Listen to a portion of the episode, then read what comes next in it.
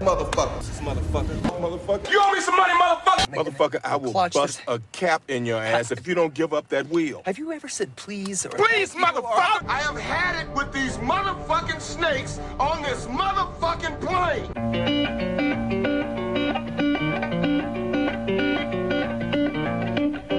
Asian motherfucker. Þá erum við komin hingað í, hvað, sjötta sinn? Sjötti þáttur, já. Það er svakalegt. Já, og hann verður ekki að verða endar en þessi þáttur vegna Nei. þess að í dag, kæri Arnar, ætla ég að segja þér frá einum alvöru motherfucker.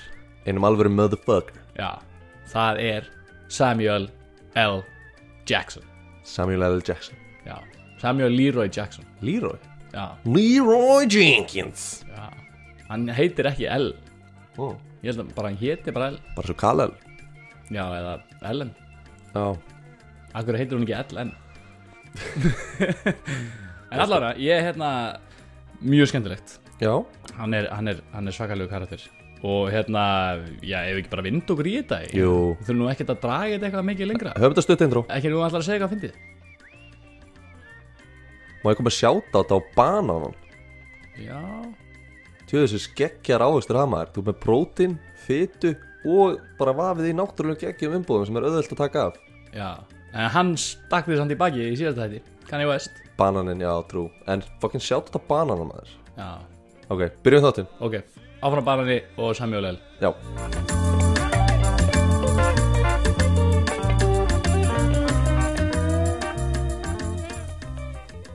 Herri, já, það er alveg smá heitt hérna Ég er að, grillast að bakinu. Hann var að segja að ég gæri hérna Strákurinn sem var að klifra með okkur Hann var eitthvað, vorum að tala um hita geisluna Af þarna eldinum sem var í gangi. Og ég eitthvað, já, maður, það er svo mikill vindur að Maður finnur ekki eins og fyrir geislunni. Hann eitthvað, já, það er eins og þegar hérna Raunið var hérna upp á jökli hérna, og, og Ómar Ragnarsson var í hérna var að segja fréttir það og hérna var í svona svörtu leði eitthvað. Og svona mikill rók og kalt sko hann fann ekki fyrir því en að hita geislinn af rauninu að kviknaði í leðijakkanum að Ómar Ragnarssonar. Nei, Jú. bara hita geislinn, bara kveikti í jakkanum og byrja að bráðna leðijakkin og hann bara oh! fann ekkert fyrir því að það var svo kalt úti. Ómar fokki Ragnarsson maður. Hann var nú reynda góðu kandidat eitthvað daginn. Já, En við ætlum að fara að tala um The real motherfucker in this place. Það er Samuel L. Jackson. Já, shit maður Veistu mikið um Samuel L. Jackson? Nei, ég hérna hef alltaf fílað sem leikara Mm. en mest kannski fyrir svona frægustu hlutverkina hans eins og bara Pulp Fiction. Já, og með alltaf bara geðveikt hlutverk. Uh, ég held hann hafi líka verið í hérna, mynd sem ég reyta bara að segja einu sinni hérna, Jackie eða eitthvað? Jackie Brown. Mm, Jackie Brown, já, Já, síðan hérna Hún er ein löng bíóminn maður, wow Snakes on a Plane er bara eitthvað sem ég finnst fyndið ég elska að vitna í eins og fólk sem hlustar á þetta podcast. ég, ætla bara, ég ætla bara að stop you right there. Já. af því að þú ert in for a treat. Hérna langar að heyra eitt brjála fakt um Samuel L. Jackson. Ég til í það. Hann er 70 ára gamall. The fuck? Fucking hell maður. Hann er fættur 1948 Shh, wow, hann er tíu árum yngri en afi minn Já. sem er one old motherfucker Já, eins og Samuel L. Jackson myndi segja. Hann er það gamall að hann, þú veist ólst upp í svona segregated Amerika sko. þú veist, hann hann, hann ólst upp í, í, í bæ sem heitir Chattanooga, Tennessee. Chattanooga. Já, og hérna og hérna, hann var þar sem sagt uh, elst upp þar og, er, og, og þá var ennþá bara segregated svona community eða svona, þú veist, og, hva, hvað kallast það á íslensku? bara svona, uh, aðskilnaður. Já, aðskilnaður svartra og hvíta, já, aðskilnaðastefna, já. Já, og hérna og, og hann, hann ólst upp á og, hérna, þannig heimili að svona mikið hardship og, og svona þú veist þurfti að hérna, vera svolítið svona uh, stjarnana eða þú veist svona hann átti að vera sá á heimili sem átti að verða eitthvað úr skilur, hann átti að fara á þú veist var hann elstur eða eitthvað slisa já, hann var, hann var eitthvað svona eldar sískinni, mér fannst það svona frekar óljóst en ég kannski rísið Já. það bara ekki nógu vel. Uh, en hann var allan svona, já, ábygglega svona elsta sískinni og hann átti, þú veist hann átti að vera að bara lesa Shakespeare og, og þú veist og, og þú veist, alveg, hann var svona alveg hann var að gera heavy lifting í svona einhverja læra og eitthvað svona dót. Já, ok.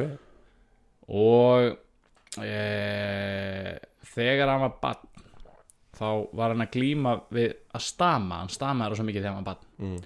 og I've, had it with this mo- mo- mo- mo- mo- mo- mo- mother- mother- motherfucking snakes on this motherfucking planes já, Ok, það er og þetta var reyndar hérna uh, þetta var reyndar mjög svona kannski lélegt skotjaðir vegna þess að- hérna að því að sko, hann var að stamma svolítið mikið Já. fjölskyldan hans var að, á hann vegna þess að þú veist bara ef að ætla að verða eitthvað úr hann þetta hann að hætta að stamma sko.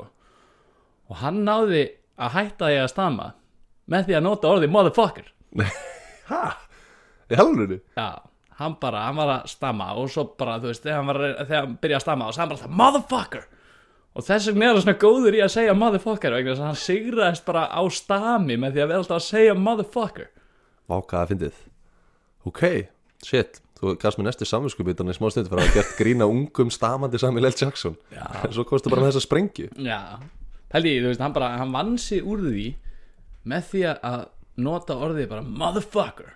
Og, og þess vegna er hann bara svona rómar við að gera þetta. Ok, ég er að pæla hvort að ég geti unnið einhverjum af mínu vandamálum með með því að segja bara motherfucker. Já, já. Geti vel verið. En hann e, náttúrulega hefur byggt upp alveg frekar flotna status í, hérna, í Hollywood og, og hérna uh, og þú veist, hefur alltaf verið frekar mikið svona respected vegna þess að hann hann bara, hann bara deliverar, hann bara skila sínu bara svona vel í gegn. Og hann hann var ekki búinn að leika, hann var að leika í svona tveimur myndum þegar að Quentin Tarantino hefur samband við hann og segir við hann bara heyrðu, hérna já, hann fór sko í áhernapröfur fyrir uh, Reservoir Dogs. Já, já, uh, en fekk ekki hlutverki sem hann var að sækjast eftir. En hann leikur nú samt hann er, hann er með eitthvað appearance í Reservoir Dogs. Ok. Ég er enda, ég enda man ekki eftir sko, bara las um það sko. Kannski var að klift út En hver, eh, hver er einhver svartur karakter í Resort Dogs? Ég er að reyna að minna, ég held ekki. Það er engin svartur. nei, Nei. nei, held Ok, ekki sko. já, Já, hann var, kannski var hann mögulega með eitthvað appearance uh, en, en ekkert eitthvað sem að maður man eftir veist, ég man ekkert eftir að hann hafi verið í myndinni. Nei, en eins og ég segi, hann var búin að leika hann í tveimur myndum þegar að Quentin Tarantino hefur samband við hann og segir bara við hann bara, heyrðu þú ert reyður einstaklingur og ég er hérna með hlutverk sem er, sem er sér skrifað fyrir þig. Og Samuel er bara hæ, alvegni og það var sem sagt hlutverkið hans Jules í Pulp Fiction. Ok það hlutverk, bara Quentin Tarantino skrifaði það hlutverk með Samuel L. Jackson bara in mind, skilur og hérna nema hvað að hann var ekki tilbúin að fara strax í verkefni vegna að hann var að klára an, aðra mynd, annað verkefni.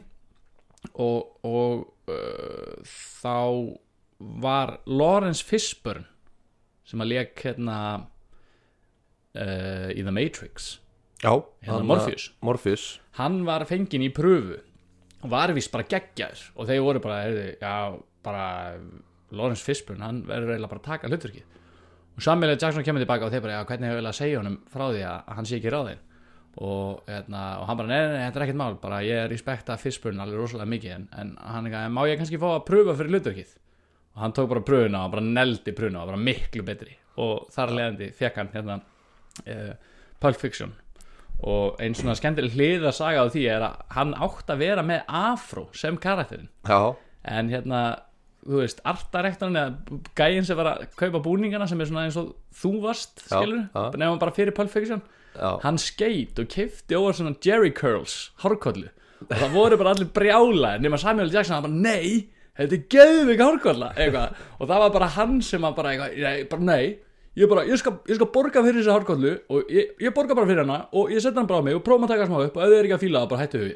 Og svo bara kom, var karakterin bara miklu nettari að því að hann var með Jerry Curls en hann átt að vera með afró já Pældi ekki það, ég, svona, ég hef reyndar heyrt þetta og ég er bara svona að pæla þetta hefði, hann hefði verið svolítið mikið Þú veist, Já, það, það hefði verið verið, bara eins og hérna í hérna, spúfmyndin hann, 70 spúfmyndinni eða þú veist, það Já. hefði verið einhvern veginn svona hálf kánalegt ja, hann hefði verið svona eins og Black Dynamite Black Dynamite, já. Já, en hérna, já, eins og segja, hann, hann hann er alltaf að vera svona frekar staðfastið með sitt og til dæmis eins og þetta með hárkolluna að vera svona bara, bara ákveðin í þessu og hann svona veit hvað hann vill.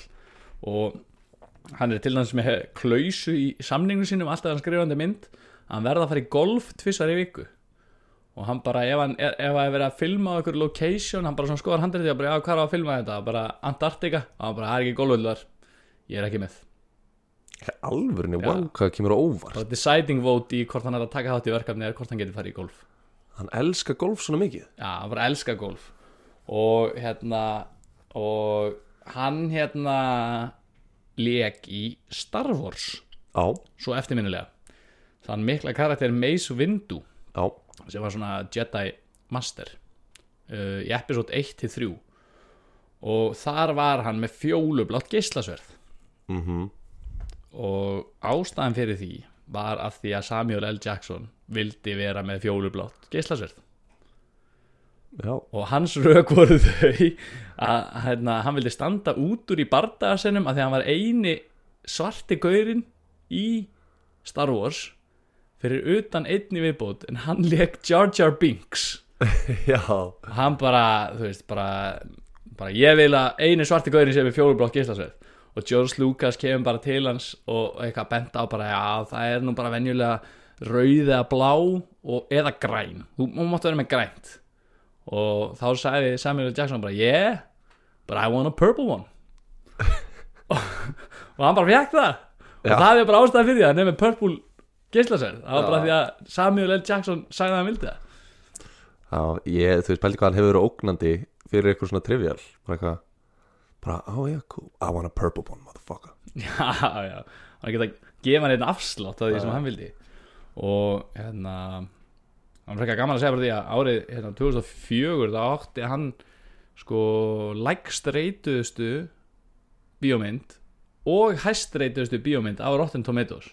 Já, eins og vinnur okkar Nicolas Cage. Svo Nicolas Cage. Uh, en það var bíómynda Twisted með 2% rating á Rotten. Tomatoes og Incredibles teiknumyndin með 97% Hva, Hvað leikur hann, hann að æs Ísgurinn Ískurinn, já. Hann, tala fyrir hann. Ok, ég, held ég ekki séð þess að myndir á ennsku en nei, ekki heldur sko. Bara á frönsku, incredible. Já, því að þú varst alltaf í frönskunni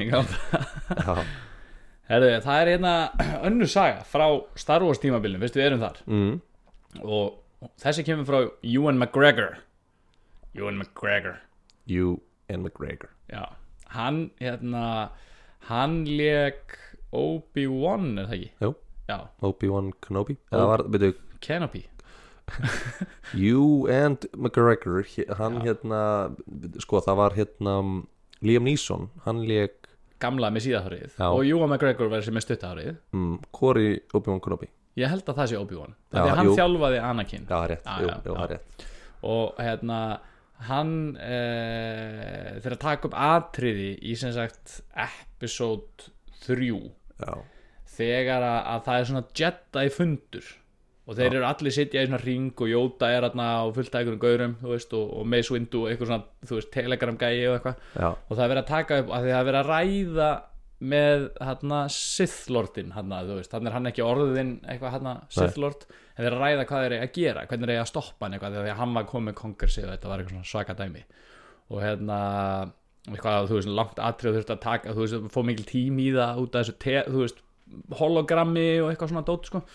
Og hérna, það kemur eitthvað svona pása. Og þeir eitthvað bara svona, þú veist, fara til hliðar eitthvað og það er bara eitthvað svona matavagn með eitthvað svona ávöxtum og eitthvað sem voru bara svona nibla í á milli, sko, já, en var að stoppa. Og Ewan McGregor, hann sem sagt er að borða vimber og hann bara setur upp vimber og það rekkur ofan í hann. Og hann er bara, þú veist, bara bara að kapna og fólk fer og byrja að banka svona baki á hann og hann bara að kalla bara, að, heyrðu, kalli á sjúkra gæðan og hann bara "Ah." og Samuel Jackson kemur aftan á hann og gerir hæmlik á hann. Og bara og vimberið bara skýst út og þetta gerist allt mjög hratt þetta var ekkert eitthvað orðið eitthvað hættu þú veist það bara svona basically stóð bara aðeins í honum. Og hann sagði bara that's how you do it. You use the force og það fór bara fór bara allir látiskast á settinu og Jú McGregor sagði bara ég, bara, ég held ég var að kapna það, fór svo bara beint í látiskast skilja, því að hann droppa þessari setningu. Já, vá hvað þetta fyrir gott. Þetta er mjög gott. En spólum aðeins tilbaka. Fólum að tilbaka. Í ævi Samuel L. Jackson. Þá, hérna, eins og ég sagði þá ólst hann upp í, hérna sem að þurfti að drekka frá öðrum vassana e, já, eða erum við ekki að fara svo langt nei. Nei, jú, nei Nei. nei, það mátti drekka frá sama vassana já, máttu drekka frá saman vasana já, já, Og- en nei, við fö- fö- förum aðeins aftar í ferlinum hans, sko. Já, já, já, já, já, við, við heimsækjum byrjunum hans aðeins á eftir. Ok, ok. Já, já, og voru að býða spenntur. Uh, áður en að fer í, í sem sagt kveikmyndir var hann að leika í hérna svona leikúsufællum og var í með mörgum í þessum í, eða, þú veist, bara í svona, í svona independent leikúsum í New York og hérna, hann var í tíu ár að leika í þannig, bara svona sviðsleikus sviðsleikari já, sviðsleikari. Og hérna, og hann var í tveimur uppfæslum að leika í tveimur uppfæslum sem voru bæði kift á Broadway. Já, en uh, þegar þau voru keift þá voru, var hann sem sagt rekin úr báðum leikritunum. Að því að hann var með klikkaða dóp og áfengisvík. Já, ok. Hann var bara, bara mæta, þú veist, var ofta svið, þú veist, hann var gæðugur leikari en það var bara ekki hægt að vinna með honum vegna þess að hann var svo mikil dópisti hann var bara alltaf bara, þú veist bara með crack og, og eitthvað og spýtt og var bara í bara algjöru rugli. Og þegar að- leikirnir voru tekin inn á Broadway þá var hann rekin og hérna og hún var bara verri og og verri og hann hérna, sem sagt hann overdósaði bara nokkur sinnum bara 5-6 sinnum overdósaði Samuel L. Jackson á eitthvað og hérna og svo var það eitt skipti þegar hann þú veist, var á einhverju fyllir að fór á eitthvað brjálað fyllir með einhverju vinnu sínum.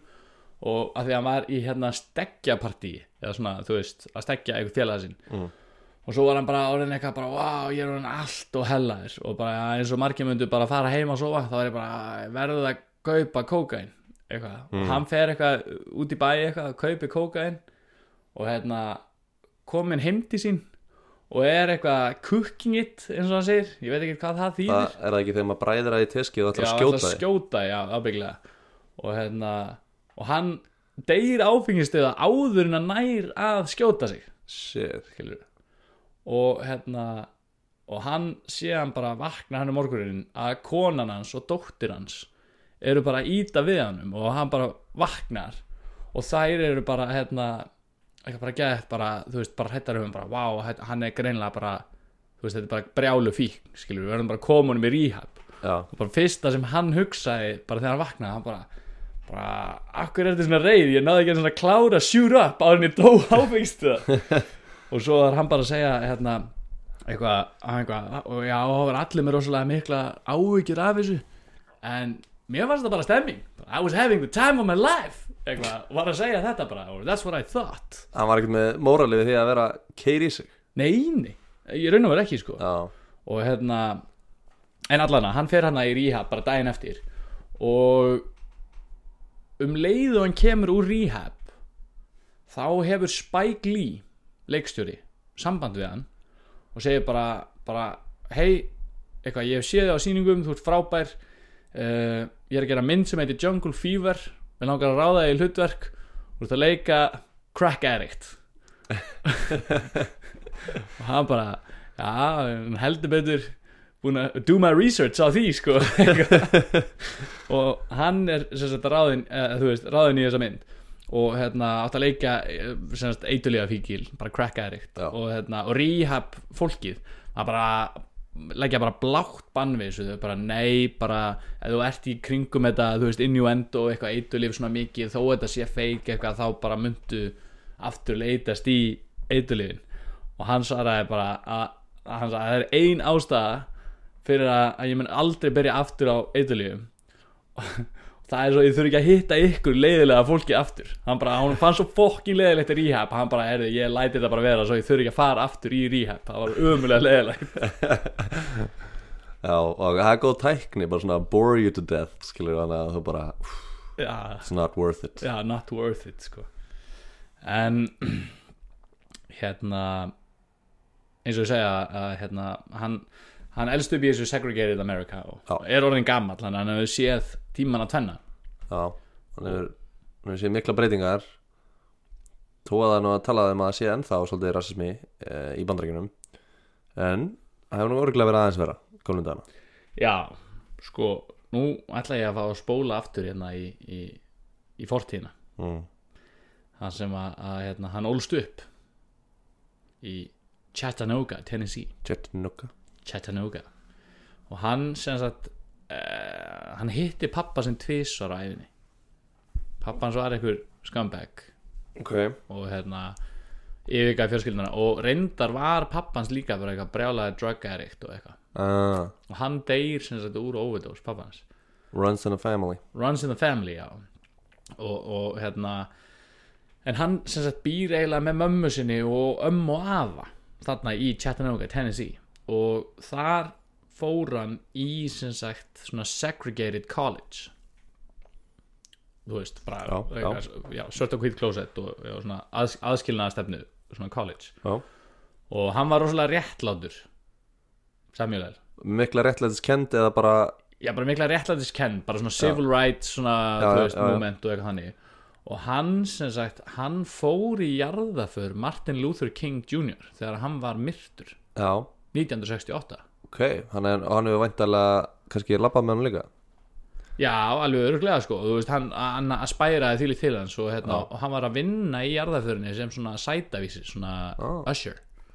Og hérna og bara um leið og jarðaförin var búinn hann bara fór í jarðaförina þá flög hann til Memphis að taka þátt í réttindagöngu svartra í Memphis. Mm. þannig að hann var bara alveg, þú veist, bara all inn í þessu. Mm. og svo 1969 að þá hérna uh, skipulaði hann svona mótmæli í skólunum sínum í svona, já, í þessum college. Já, og hérna til að fá það til að breyta stundaskránni vegna þess að það voru ekki neinir áfangar um, um hérna svona black history og eitthvað eitthvað svoleiðis, þú veist það var ekkert verið að kenna neitt svoleiðis og hann var alveg brjálaður yfir því. Og hann tók sem sagt upp á því að ásamt nokkrum öðrum að halda stjórnar meðlumum skólans í stofufangilsi bara hleyftu þeim ekki, bara fóru bara inn í eina stofu og bara lokuðu stofunni og þarna var bara fólkið, skilur í nokkra daga voru þau í stofufangilsi í nokkru daga? Já, bara tvo daga. Og hérna bara, þeir bara hleyftu þeim ekki út úr skólanum. Og þú veist, þetta var veru, það var ekkert ofbeldi, heldur var þetta bara svona, þú veist jú, í rauninni er þetta ofbeldi að halda einhverjum í stofufangilsi en þú veist, þeir voru ekkert eitthvað með eitthvað að hóta að drepa fólk skilur, heldur var þetta meira bara svona, heyrðu, þið þurfið að breyta þú veist, stundaskránni og þið þurfið að, þú veist, þetta var svona civil rights, svona move, þú veist Já, já. move, í raun og veru. Líka bara pyrrandi, þú veist, þarna eru gemsar ekkert komnir 1969 þannig að þetta fólk bara gæti ekkert látið vita af sér. Nei, nei, og það var bara einn scary looking black guy bara einn ógnandi svartu gæði það sem er samt eitt klikkað er að einn af þessum stjórnarmeðlumum hann var pappi Martin Luther King. Martin Luther King senior. Jú, hann var einn af stjórnarmeðlumum skólans sem að Samuel L. Jackson held í stofufangjösi í tvo daga til að fá það til að breyta stundaskrandi reforma svona, svona schedule ok, og hérna, til að bæta eina áfanga um sögu svartra í bandaríkanum allavega, skólinn hann sem sagt, hann breytir stundaskráni en okkar maður hann var rekin úr skólanum í tvö ár mm, mm.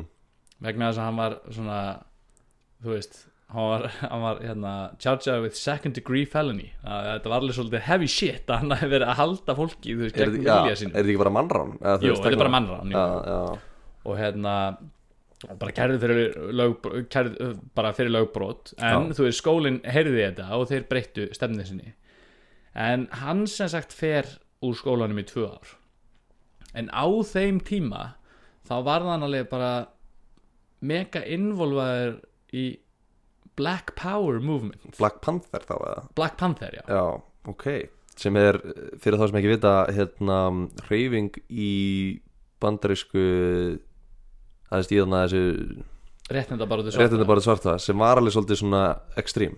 Já, þeir, þeir, þeir voru sko hérna, þeir voru búin að kaupa bara fullt af vopnum, bara fullt af byssum á svartamarkanum og þeir ætlu að verða bara svona gorilla bara hermenn í raun og veru. þeir ætlaði að vakta sín eigin hverfi gegn lögreglóbeldi já, með því að vera bara með fullt af opnum svörtingum já, og bara Og- drepa fullt af liði sko. bara að drepa lögreglumenn eða þeir voru böstaði við það að beita svörtum óbeldi já.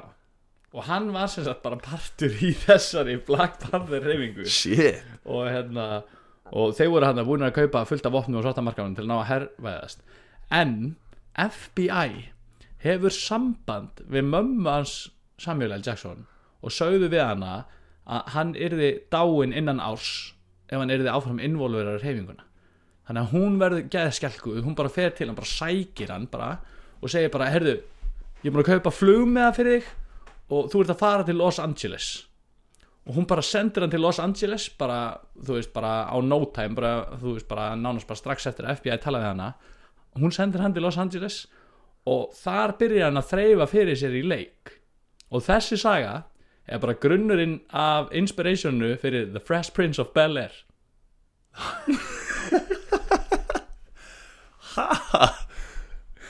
Já, bara Will Smith bara syngur þessa, þetta storyline skilur, hann hefur bara verið involveraður í þú veist, eitthvað bad place og hann var sendur til frængu sinna í LA eitthvað, Fresh Prince of Bel-Air það er bara svo vákaða fyndið því að það sem er sko það sem er að ruggla mest í mér er að af hverju ætti FBI hafa samband við mömmu Samuel L. Jackson?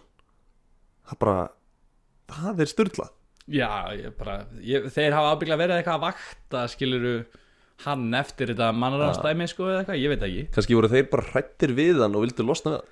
Já, það geti verið. En hann sem sagt verið hann til LA byrjar að þreyfa fyrir sér í leik út af þessu. Fyrir að búa hjá Uncle Phil. Já, hættur að shooting some people outside of the school with a couple of guys who Já. were up to no good. Já, ég kann allt og vandrarlega mikið á þessu lagi sko. ég horfði fokkið mikið á Fresh Prince. Og þetta er bara sem er inspirationi fyrir það ok, what? En já, hann er langar að heyra styrla fakt um Samuel L. Jackson. Já, stölda fakt með tvö. Já, annað en hann sé 70 ára. Já. Hann er the highest grossing actor of all time. Nei, ha? meira en Nicolas Cage? Myndirnar hans hafa velt 17 billion dollars býtu, býtu, er hann sem sagt ekki tekjuhæstileikari heldur bara að myndir sem hann snertir? Já, ah. það er styrlana þú veist, hann er ekki ríkasti Nei. heldur er hann highest grossing sem sagt, þú veist. Ok, í raun og veru uh, myndir sem hann snertir og ég meina þar af leiðandi græðir hann mikið en þú veist myndirnar hafa velt 17 biljón dollara. Já, og hérna og hann er highest grossing actor of all time. Það er trillt maður hann hefur leikið í Jurassic Park já, já, ég mann því geðvikt Star Wars, já, Marvel myndunum. Já, já, já, já. Það er hjút hann hefur leikið í svo mörgum risastórum bíómyndum. King Kong, skilur, allar eitthvað svona blockbuster bíómyndir, skilur já, þar er Samuel L. Jackson þægilegur á kantinum. Svo Deep Blue Ocean að, já, Deep Blue Sea. Deep Blue Sea. Það þarf einn reyðan svartaka í alla blockbuster. Já, hann nefnilega hann hérna hann er svona sætrak kannski af þessu. Hann hefur aldrei, hann hefur verið tilnefndur til Óskarsvöluna mm. hann hefur aldrei fengið Óskarsvölun já, ok, hins vegar fekk hann verðlaun á kann kvikmyndaháttíðinni fyrir best supporting actor. Í, uh, ég held að það hefði verið Pulp Fiction. Já. En ég er ekki viss. Það eru margir sem vilja meina að hann hefði átt að fá Óskarinn fyrir Pulp Fiction, fyrir best Já, supporting ég held að þessi Pulp, ég ætla ekki að fakta að það gæti verið að hafa verið önnumynd ég bara er ekki með að skrifa það mér, það Nei. er alveg smá klúður. En hérna, en hann fekk þessi verðlaun. Það verður engin annar fengið þessi verðlaun. Þessi verðlaun er ekki til á kann þau voru búin sérstaklega til að því akademíinni í kann fannst hann bara svo ruggla góður sem supporting actor hann fekk þetta bara gull pálmann frá kann Já. fyrir best, best role in supporting actor. Og þessi verðlaun voru bara búin til fyrir Samuel L. Jackson fyrir þessa einu mynd. Shit. Hérna, ég fór bara að pæla að þú sagðir að hann væri sjötugur sem er styrlað, þetta lítur út fyrir að vera svona max 50 ára gammal já, um, heyrðu, hann var líka í Die Hard maður. Já, í Die Hard, já. Um, ætli, ætli hann sé hluta ástæðan fyrir að, að ég hef heyrt hérna segingið Black Don't Crack sem er þá verið að tala um að svart fólk væri ekki hrukkur. Ú, mm. það er eitthvað seging það er eitthvað seging Black don't crack. Allavega. Ég vona að þetta hljó mikið hræðilega. Nei, þetta gerir það samt afbygglega sko. ég... Herru, já uh, þetta svona- Hann hefur oft verið fenginn í framhaldi af því sem ég var að segja. Já, Fyrir utan hérna hrukku faktið. Já, já, ég meina þetta er bara svona já, já, jákvæður stereotyping Já, positive stereotyping er Positive það stereotyping. á þeng? ég veit ekki, er það, má það Ég, ég veit það ekki bara svona eins og að hávaksnir eru góður í körfubólta, er það neikvægt það? Nei, en þú veist Það er samt pyrrandi að vera hávaxin og eitthvað segir Ertu ekki í körubólta? Bara, ha, þurfa allir hávaxnir að vera í körubólta? Já, tell me it, ég meina ég, bara, welcome to my life, skilur ég er tveir metrar á hæða, það spyrir mig allir á hvernig degi og svo þegar einhver spyr hérna, þú veist af hverju fórstu aldrei í körbólta þá bara svona tekið svona pappír krulla saman, reyna að hitta í ruslið, er svona fimm metra frá því og segir við að þetta er ástæða. Ú, líka mjög heppin að vera alltaf með úrslutinu hjá þér, þegar þú hittir einhvern. Alltaf, Ég ætla að halda áfram núna. Já, sorry. Uh, Já, minna hann velt 17 biljón dollars. Já, og hérna hann hefur samt, þú veist hann hefur ekki grætt sjálfur 17 biljón dollars. Uh, en hann hefur oft verið fenginn til þess að kynna á Óskarnum. Þú veist eitthvað, já, og best role goes to eitthvað og hérna en hann sagði í viðtali hjá Ellen hann væri hættur í því vegna þess að þeir voru hættir segast akademían, eru hættir að gefa goodie bags til þeirra sem að eru kynnar. Og það týðkast á Óskarnum að ef að þú vinnur Óskarinn, skilur vinna velun þá vinnur þú bara eitthvað Audi A4 og þú veist 250.000 dollara og þú veist ferð til Japan og, og þú veist ok. prósentu í hóteli. Eða þú veist þú ferð bara eitthvað svona sturlaðan goodie bag ha, og farið ekki bara gullkallin Nei, nei, þú fær bara eitthvað brjálu velun skilur bara eitthvað tösku frá Louis Vuitton og eitthvað bara eitthvað svona brjálu velun ok, ok, og e, hann var einmitt í fréttunum daginn eitthvað á síðustu Óskarsvelunum þá var ferð til Íslands og að gista á hérna Deplarfarm og eitthvað svona dæmi. Það var í goodie bag, þú veist, fyrir þá sem unnu Óskarinn. Uh, en hérna já, hann, hann segist þeirra hættur að kynna vegna þess að hann- þeir eru hættur að gefa goodie bags til þeirra sem eru kynnar og hann eitthvað, af hverju ætti ég þá að eitthvað, vera kynnir? Og Ellen eitthvað bendir á það eitthvað, af hverju á það að skipta í máli? Eitthvað, þú hefur það trúlega ágæta því að myndina þín er búin að þjena svona mikið. Og þá sagði hann bara it's pretty simple. Everybody likes free stuff og bæti svo við the best thing about being an actor? Free stuff. En svo er frekar fyndið vegna þess að hérna í öðru sæti currently á þessum lista yfir highest grossing actors of all time er Harrison Ford. Og Já. þeir eru bara over the years búin að vera að skipta á fyrsta öðru sæti bara stanslaust og bara Samuel. Jackson leikur bara í tíu bíómyndi og bara ah, kemst yfir Harrison Ford.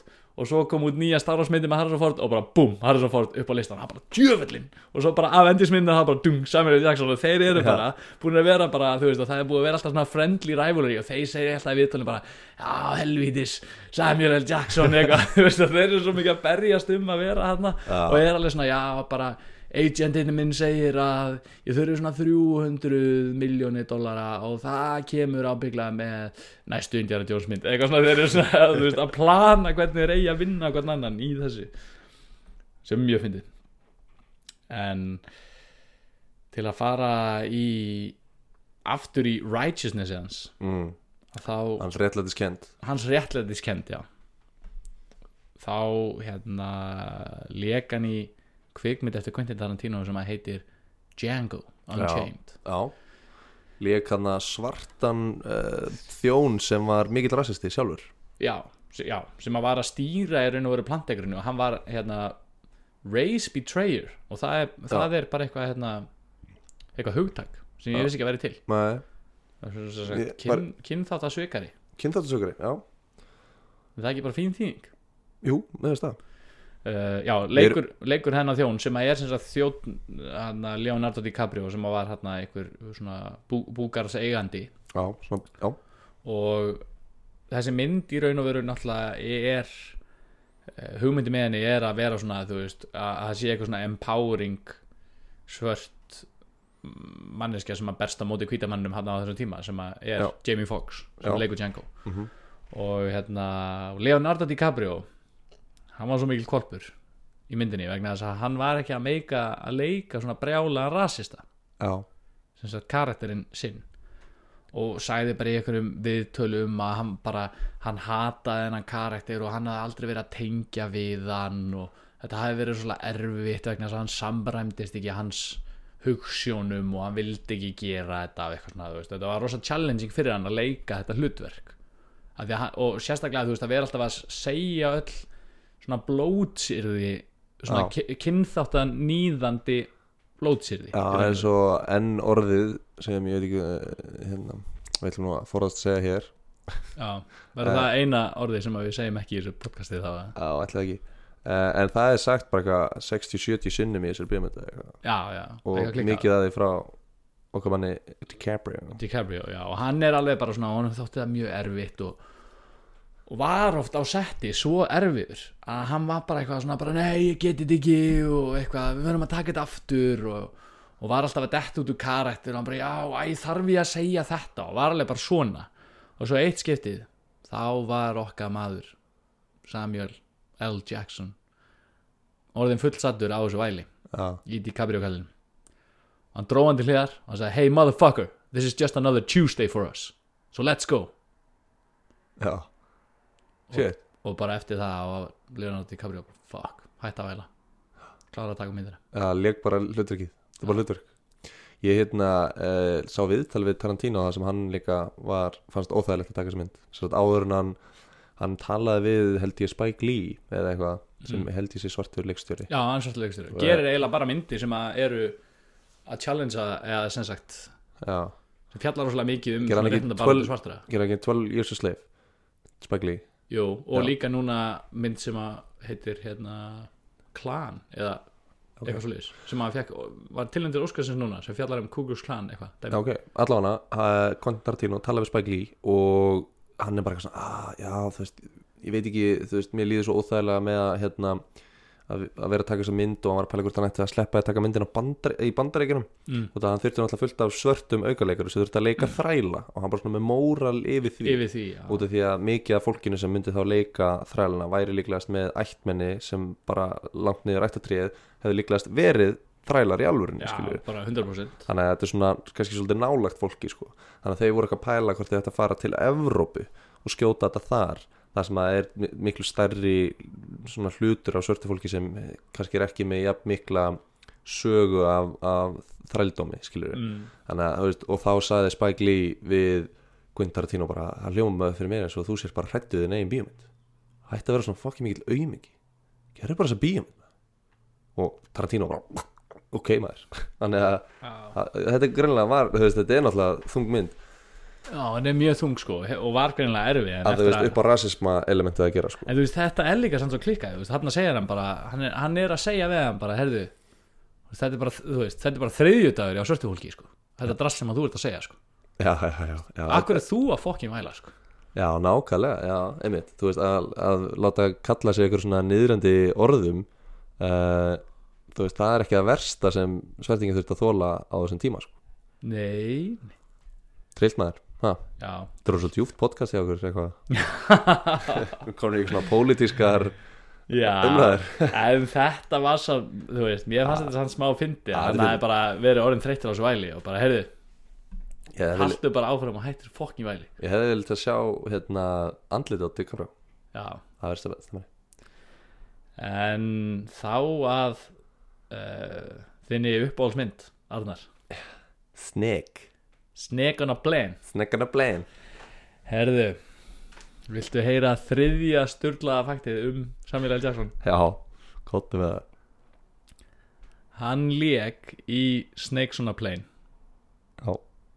Bara út af nafninu á myndinni.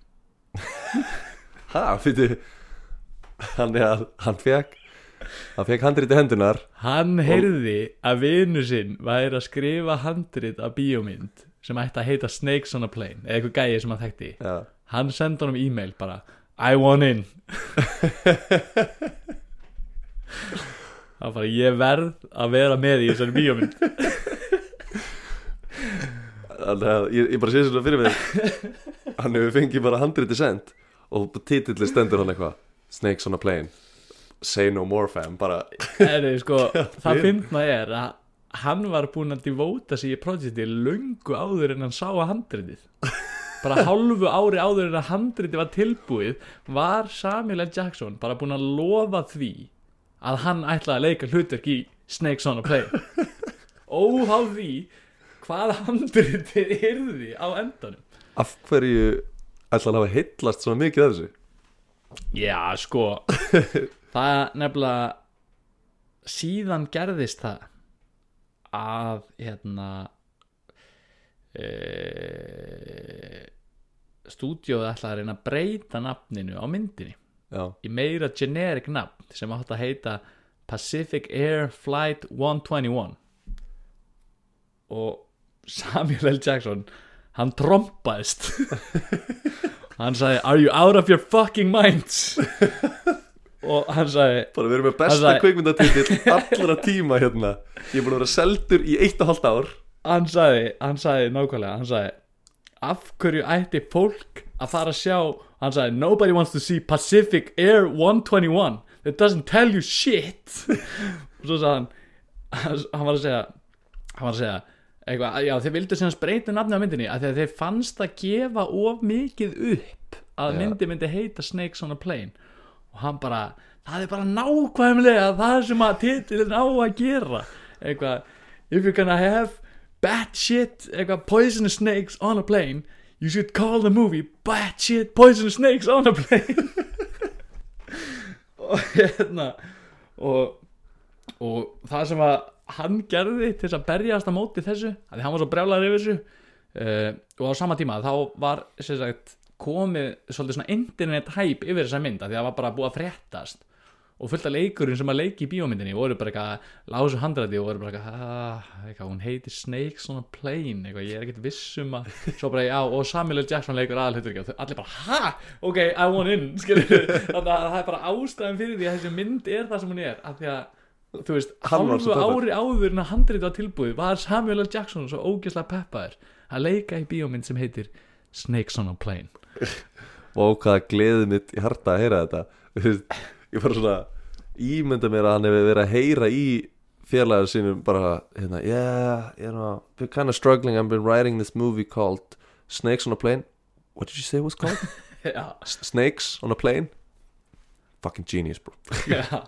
Just count me in. Og málið er sko að hérna að til þess að, berjast á móti þessu já, Pacific eitthvað. Pacific Air dæmi þá eiginlega hótaði hann því að hætta við að vera í myndinni. Já, og að því hann, þú veist, vildi bara vera í myndinni út af nafninu. Já, og hérna uh, hann lagði á netið að I'm working on a film it's, called Snakes on a Plane. Mm. og stúdíóið var alveg brjálað og þá sett hann bara lagan því á netið bara, þeir vilja breyta nafninu á Pacific Air 121 eitthvað. Og þá trompaðist bara internetið skilur Já. þannig að hann var að nota þú veist fólki til að þú veist rústa kvikmyndavirinu þú veist eitthvað í því að breyta ákvörunni og Snakes on a Plane er ég voru að gleyma hvað við finnst Snakes on a Plane fyndin mynd maður. Já, Snakes on a Plane er að mjög miklu leiti uh, og mörg atri og margar hugmyndir við myndina eru crowdsourced af internetinu.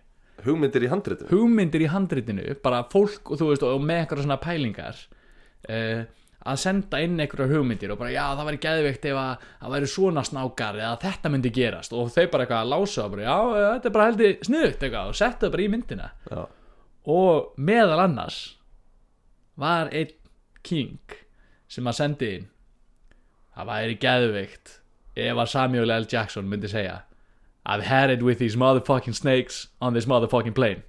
Og Samuel L. Jackson bara I love this idea. Og bara hendi í þetta í myndinni. Ok. Þetta er uppáhaldslína minn í myndinni og líklega allra. En það sem er eiginlega meiri uppáhaldslína minn í þessari mynd er hérna straight to DVD útgáfan sem að þú veist að var að ég meina sko cable útgáfan sem fór í sjónvarpið Já. út af því að hérna þá mátt ekki held, já, þú, ef þú segir fuck meir en einu sinni þá ertu með R rating sem sagt, svona Já, rated já. mature um, þannig að þá segir Samuel L. Jackson þú veist að taka þetta aðrið upp tvisvar þá- segir hann I've had it with these held ég mother flipping eða eitthvað, hann segir bara I've had it with this mother flipping snakes on this Monday to Friday plane eða eitthvað já það er fokki fyndi lína. Og það er alveg jafn reyður Já, já, grill lína. Já, En já, hann sem sagt það átti nefnilega líka síðan. Hann var að- önnur hugmynd hjá hugmyndaverinu að myndin ætti að vera svona frekar fjölskylduvæn. Hún, og hérna, hún ætti að vera PG-13 og Samuel L. Jackson trompaðist aftur hann bara auðvitað á þetta að vera R-rated film skilur Hann vildi bara meira action meira rugl og eitthvað þú veist, meiri violence og meira blóta og gera eitthvað svona brjála. Og það var búið að taka upp alla myndina Já. og það var bara rap date, bara búið. Fjóru mánuðu setna það var internetið orðið brjálað Samuel L. Jackson brjálaður. Það var farið aftur og tekið upp fullt af atriðum til að gera myndina ennþá meira crazy skilur eins og eitthvað atrið að þau eru til eitthvað að gera grófari. Já, til að gera hana grófari skilur Samuel. Jackson var blót út um allt já, og hérna uh, fólkið hérna sem er í sleik hann inn á klósettinu hann að þegar að snákur ekki eða þau eru eitthvað að byrja að benga hann inn á klósettinu í já, þau áttu bara að vera í sleik fyrst og hann bara nei, nei, nei, nei þetta verður að vera bara sexin eitthvað. Og hérna og, og það var allt saman bara gert. Og þessu var breytt öllu bara fjórum mánuðum eftir að rap date var búið þá var bara farið aftur og tekið meira upp til að gera hann að svæsnari. Er ég ætla að leiðrétta mig. Það var ekki mother flipping. Að myndi að þetta hafa ekki verið það. Heldur segir hann í hérna cable versionni I've had it with these monkey fighting snakes on this Monday to Friday plane. Já, monkey fighting já, þeir hafa bara, þetta hefur bara verið bara eitt stort fuck you á stúdíóið. Já, I've had it with these monkey fighting snakes on this Monday to Friday plane. Já, það sagði bara eitthvað. Uh, En uh, áður en að myndin kom út já, þá var með þessi að opin uh, veðmálabanki í Las Vegas um hversu oft Samuel L. Jackson myndi segja motherfucker í myndinni nei, alveg jú, jú. og ef þú myndir náði í akkurat rétt þá myndir þú græða penning Já. Shit. og svo núna þegar hann lítur tilbaka og er spurður út í uh, Snakes on a Plane hvort hann sjáu eftir hann segist hann ekki sjá eftir neinu heldur hann heldur er það þannig að hann uh, velji alltaf hvaða myndum hann ætla að leika í eftir því hvaða myndir hann hefði viljað fara á í bíó þegar hann var lítill og hann sagði, hann sagði bara hann sagði bara Snakes on a Plane er bara frábær Saturday afternoon bíómynd. Já, Nobody's trying to win an Oscar We're just trying to have fun in the cinema. Já, trúmaður og geðveik mynd sko. Já, bara mjög mikið skemmtara gildi í þessari mynd. Já, já, ég bara, ég man ekki eins og hvernig þetta fer úrskeið sko. þetta er bara eitthvað fullt á fullt af snákum Já, sko, á flugul Sko upprunlega átti þetta að vera þannig að það var bara einhver ein slanga í flugulni og Samuel L. Jackson bara neini 60 hann var bara að pöngast í stúdíón og stanslust hún er bara gerð, hún er bara gerð eftir hans haus þessi mynd en svo er samt klikka að sko hérna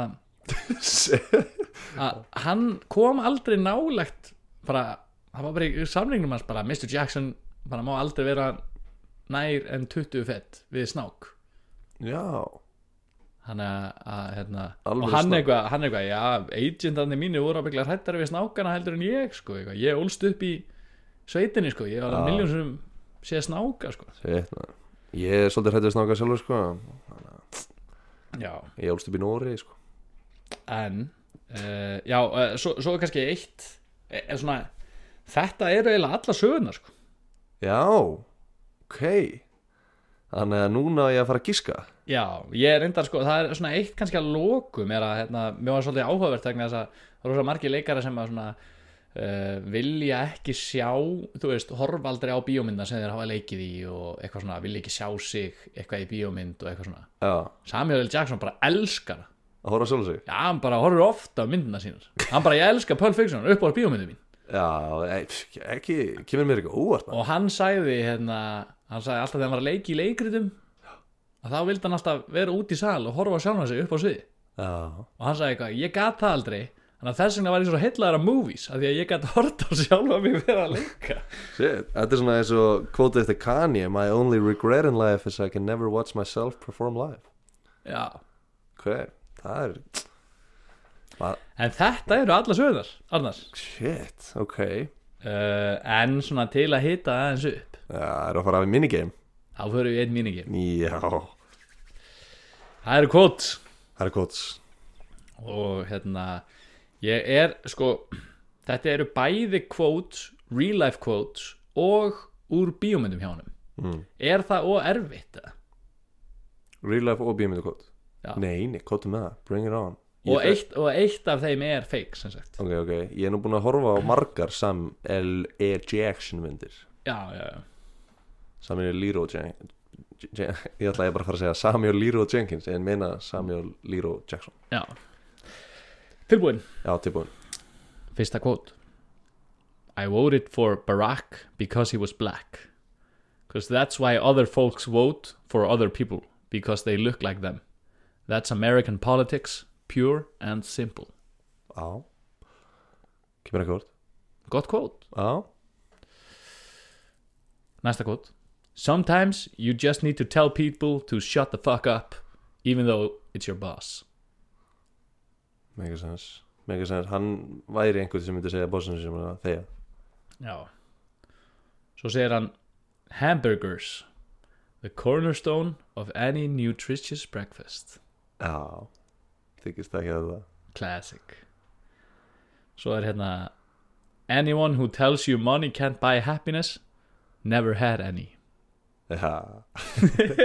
Þetta Þetta er grjótart Já, þetta minnir á eitt fake quote eftir okkur mann Gates Já. Uh, My ass may be dumb But I ain't no dumbass. Ah, Það er svo að sé að tala beint við raskat að sér bara My ass may be dumb But I ain't no dumbass. Já, og svo segir hann hérna Yeah, though I walk through the valley of shadow of death I shall fear no evil for thou art with me. Thy rod and thy staff they comfort me.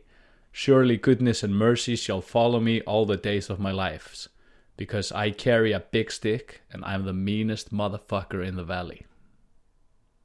Þetta hljómar og svo svipað og, og kvotið hans í Pulp Fiction þannig að ég ætla að skjóta það sér það.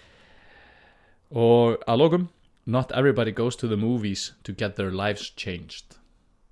True, true. Og þetta sagði hann þegar eitthvað var að raun yfir svona eitthvað random bíómynda þú veist project sem hann hefur verið að tekja af sér. Já, eitthvað Snakes on a Plane og eitthvað. Já, og þá sagði hann bara not everybody goes to the movies to get their lives changed. Já, true. Ég sko tengi, búið að fara að tengja meira og meira við þetta eftir sem ég verð eldri. Veist, Þegar ég var svona kringu tvítugt þá var ég svona svolítið að fikra minnir IMDb 250 listan og var eitthvað svona ú, eitthvað að horfa á Godfather og horfa á Shawshank og þú veist, ég er bara svona að vinna mig niður Platoon og eitthvað skilur bara fara niður 250 listan og alla myndina er ótrúlega brjálað dýp og eitthvað. Núna er ég alvörinni bara, þú veist, ég er bara að horfa á eitthvað svona ömulegt live sjómarpsjó þú veist, eitthvað bara svona mér finnst alveg stemning að horfa á My 600 Pound Life eða My Strange Addiction eða eitthvað skilur bara svona botninum á tunni bara, að það er bara slekkur á heilarinum og ert bara að chilla já, ég bara, þú veist það er ekkert skemmtilegra en að horfa á The Biggest Loser hérna fyrsta þátti þegar allir eru að Heyrðu, jæja, hérna eigum að- að reyna að fara yfir kvóti, viltu quick recap? já, hvað með quick recap Vil, eða viltu tala meir um Biggest Loser fyrsta áttin? Nei, ég kannski tala aðeins um Samuel L. Jackson Það er eitt viðtali við hann sem ég sá á netinu sem er heldur fyndið Það sem hérna einhver hvítur gæi rugglar honum saman við Morgan Freeman. Nei, er sem sagt eitthvað bara, hei Samuel, bara hv- hvort er Morgan Freeman eða einhver annar sátt eitthvað, en það er allavega, hann rugglar hann saman við einhvern annar sátt eitthvað.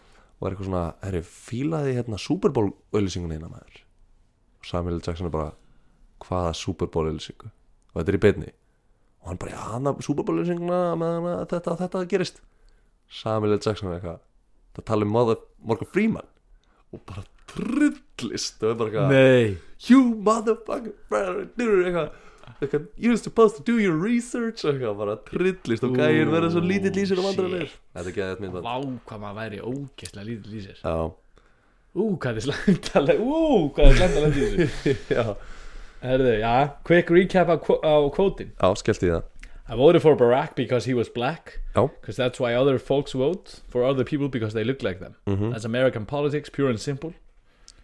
So, hann uh, sometimes you need to tell people to shut the fuck up even though that's your boss. Mhm uh, svo sagði hann hérna anyone who tells you money can't buy happiness never had any. Já, hamburgers the cornerstone of any nutritious breakfast. Mhm My ass may be dumb, but I ain't no dumbass.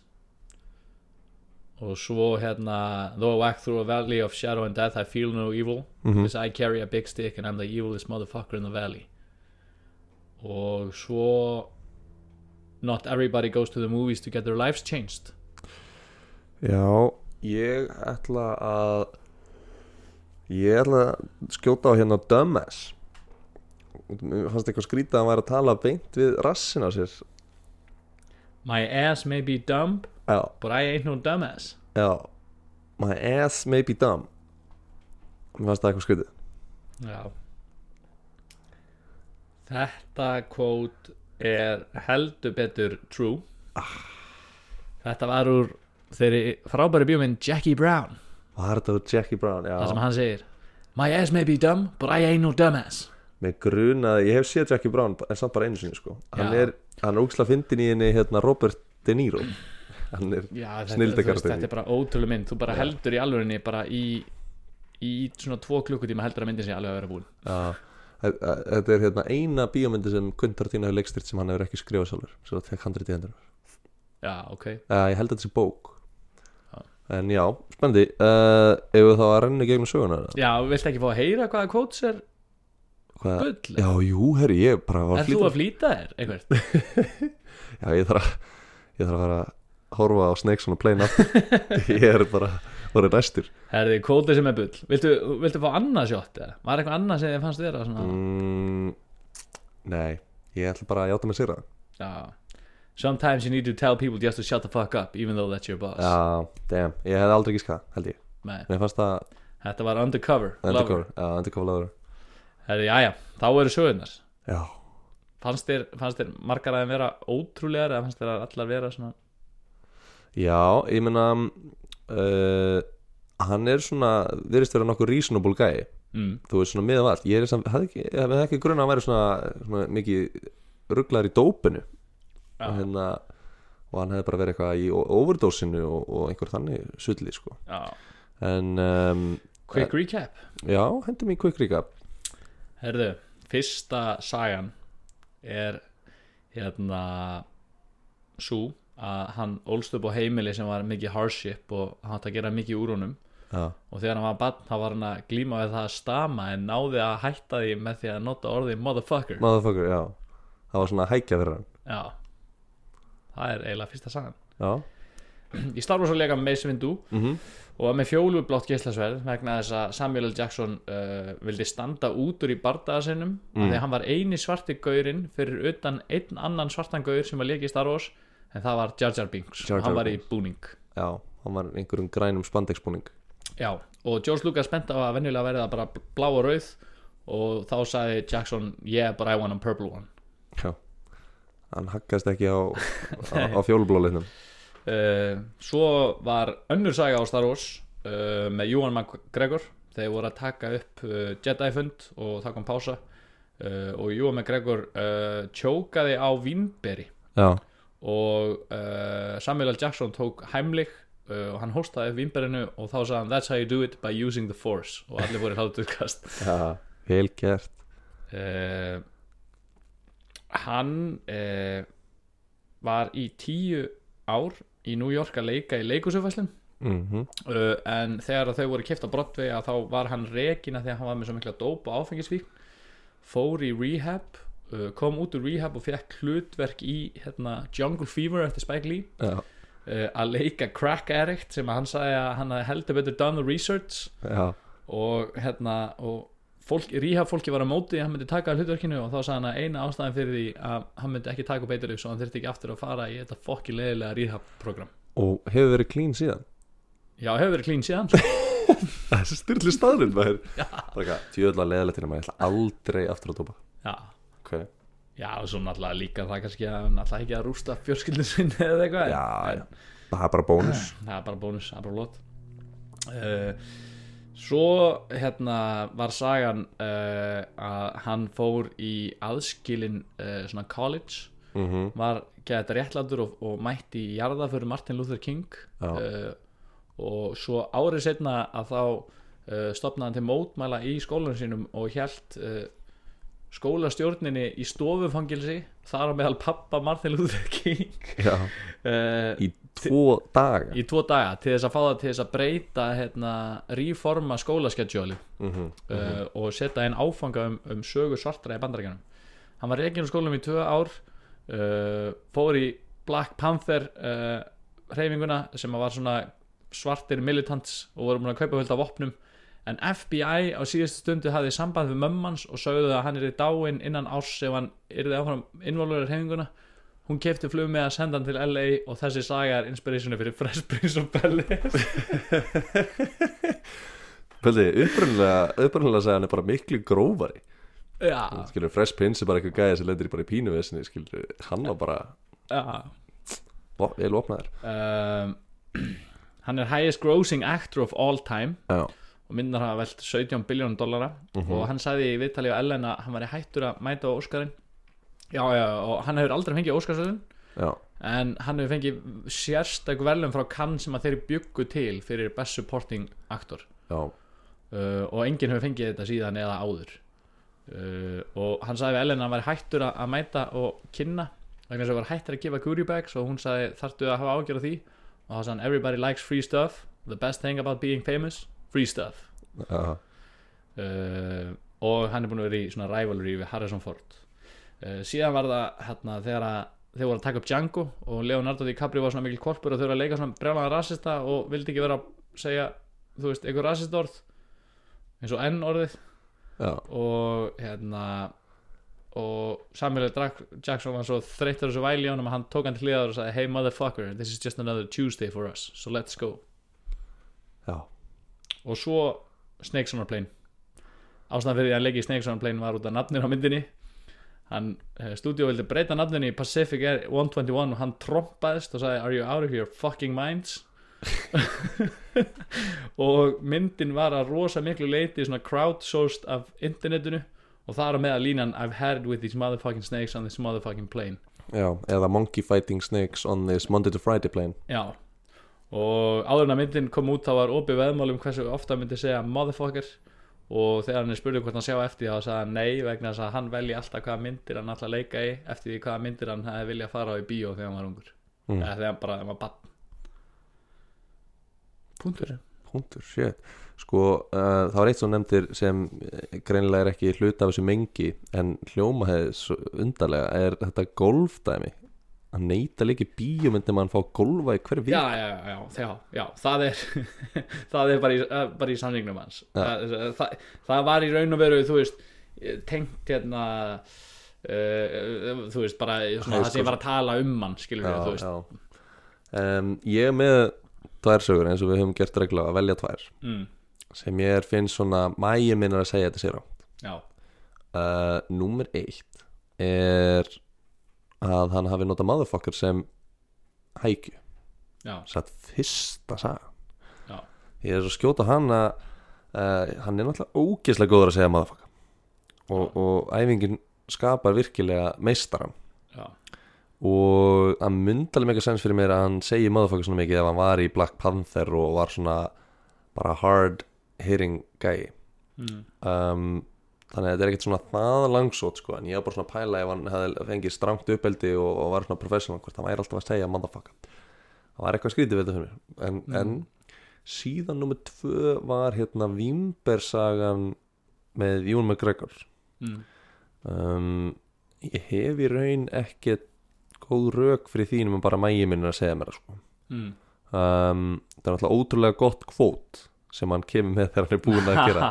Rosalegt kvót sem er náttúrulega svolítið too good to be true en ef það er eitthvað sem ég lært í þessu podcasti þá eru hlutir oft too good to be true. Já þeir eru bara too true to be good skilur, þetta er bara en ég ætla að alltaf þegar við erum að gíska alltaf þá fæ ég bara svona hérna, ég fæ svona lægið úr viltu vinna miljón í haus Þannig að spennan er veist, há um, Spennist í hérna. Það er líka heitt inni. Já, fucking. Herðu, ég ætla að skjóta á Vimberið söguna Vimberið söguna Vínberja sagan Það sem að Jóa McGregor Fekk sér Vínber Og Samuel L. Jackson tók hann í Heimleg Heimlich og sagði strax That's how you do it by using the force Hún er 100% bull. Já! Vá, það tók ekki nema sex vikur maður. Já, vel gert. Ég var samt sko Þegar ég var búinn að skrifa hann Ég oh, Já, ég held að fatta. Já, ég er ekki viss. Já, já það er mér að koma að því. Ég nefnilega sko Þess vegna sett ég stamsöguna fyrst Vegna þess að ég held að það er bara Nei, þetta er bull. Jú. En þetta með stamið er 100% fætt Það er trillt að það sé Ég bara sé fyrir mér eitthvað bara Excuse me, Mrs. Rob Motherfucker! How, how, uh, can, can, I, can I please Motherfucker! Og svo bara á endanum náða hann að laga þetta. Ok, það, það er bara legit Það er bara góð leið til þess að Að, þú veist, hann notaði þetta senast að hann var bara eitthvað að tala og þú veist, og svo bara byrjaði hann að hann vera að segja, uh, uh, motherfucker! Og þá bara gæti hann haldið áfram að tala vennilega, skilur þú veist, Já, þannig að hann var kannski að tala, þú veist, og eins og stam virkar að, þú veist, að þú ert kannski að tala og svo, svo, svo, svo þú veist, allt í einu kemur það, fattar Já. og þegar það kom og sagði hann bara alltaf, motherfucker! Og þú veist, og svo held hann áfram að tala. Og hann bara, og þess vegna er svona góður í því hann bara, he's been saying it his whole life. Shit, geðvögt Já, þetta, ég eiginlega skuldaði bara bjórarnar. Já, ef ekki bara gera það að nýri reglu? Jú, mm. það er mér. Það er líka gott veður, Gott veður. sól, allir í stuði. Við ætlum að vona að þetta sumar verði frábært. Já, heldur betur. Mér Já, sa- Ég verði eiginlega að segja þér eitt frekar fyndið. Já, Hefur ekki séð að Samuel L. Jackson ef hann er ekki að leika í bíómynd það er hann með svona kangu sixpensara. Jú, hann er alltaf með Kangu Sixpensara, jú, einmitt. Já. Hann er ekki sponsaður Hann bara elskar Kangu Sixpensara Bara fokki mikið að kangu sixpensur Þetta er líka Og- svona Og svo var hann spurður í viðtali bara, wow, you're the highest grossing actor of all time. Bara, hvað gerir eiginlega í peninga þeina? Hann bara, I buy these og benda á kangu sixpensara Sko, fyrir þá sem vilja vera eins og Samuel L. Jackson og kaupa Kangu Sixpenser þá fást þeir í hérna, sportdirekt Ú, það er geðveikt þannig að eh, ætli ég fari ekki þangað að fá mér einn ég held ég eigi ekki það Kangu Sixpenser Ú, þannig að ég er að fara í flug núna næsta fimmtudag. Kannski ég reyni að vera með kangu sixpensurinn og segja I've had it with these mo- monkey fighting snakes on this Monday to Friday plane. Já. Þú segir það og við setjum það á grammið og þá verður allir ferskir. Já, og á þeim nótum ætlum við að kveða ykkur. Já, þetta var bara eðlegt Þetta var flott. Við erum farin í bjórin Við erum farin í bjórin og ég vona að þið gera það sama alveg sama á hvaða tíma degi eða hvenar þið eru að hlusta á þetta podcast. Opnið bjór. Beint Flott. út í bjór, það er bara, það er bara holdt. Það er bara holdt. Bless